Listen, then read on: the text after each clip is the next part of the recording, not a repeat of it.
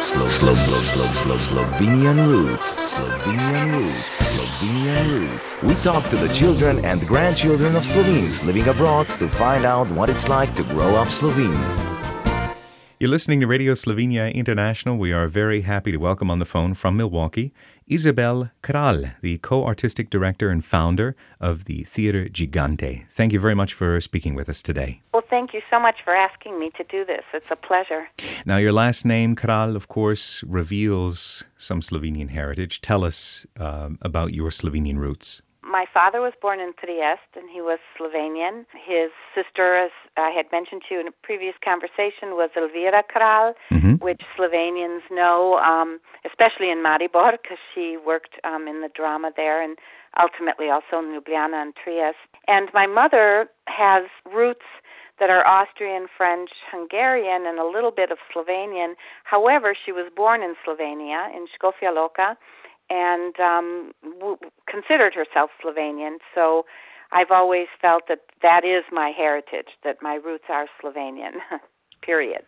Now, uh, growing up, did you have a sense then of, of of your roots in Slovenia? Yes, my parents came to the states, um, and their heart was very much in Slovenia, rooted there and in Trieste, and it was very important to them to teach me Slovenian, and they felt that I would not learn how to love my own country here in the United States where I was born mm-hmm. if they didn't teach me to love Slovenia. And the result was that um, I grew up very Slovenian, speaking the language at home, reading and writing it, and ultimately moving to Slovenia, to Ljubljana, where I danced with the Ljubljana Ballet, the Slovenian National Theater Ballet in Ljubljana. And um, I've been going there back since. Uh, I've done some choreography for Debus. Theater Gigante came to Slovenia and we did a five city tour with Vlado Kreslin, who was mm-hmm. also in our production. We had brought him to Milwaukee. He performed with us here. We brought Vojko Vidma to Milwaukee, Urša Vidmar, Dejan Crhoj.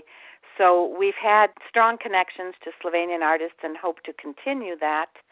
And also, you know, I being the daughter of immigrants is one thing. I mean, you always end up having two homes, but then also growing up in such a staunch Slovenian family, I I really am torn between where I belong and sort of feel that I was actually born in Slovenia. Right.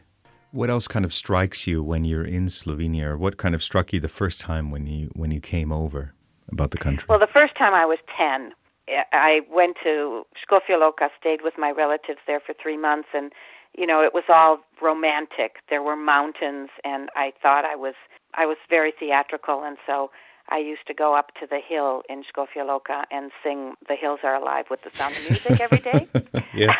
so, but now what strikes me is I feel Slovenia is, of course, a very beautiful. Have everything in such a small territory, but what I love the most is is the progressiveness of mm-hmm. the arts and culture there, and also the intellectual curiosity of of people there.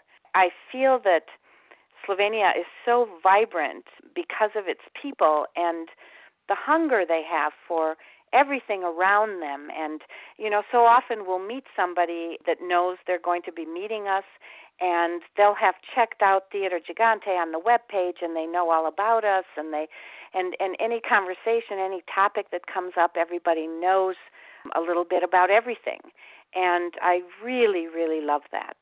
And then there's also a comfort zone where because of the way I grew up, when I'm in Europe, not only in Slovenia but just in general in Europe, I feel very comfortable there because, you know, our home was always very European. Have you considered moving to Slovenia? Oh, yes. we think about it all the time, and we still are pondering that uh, whether we should come half the year or, or just move.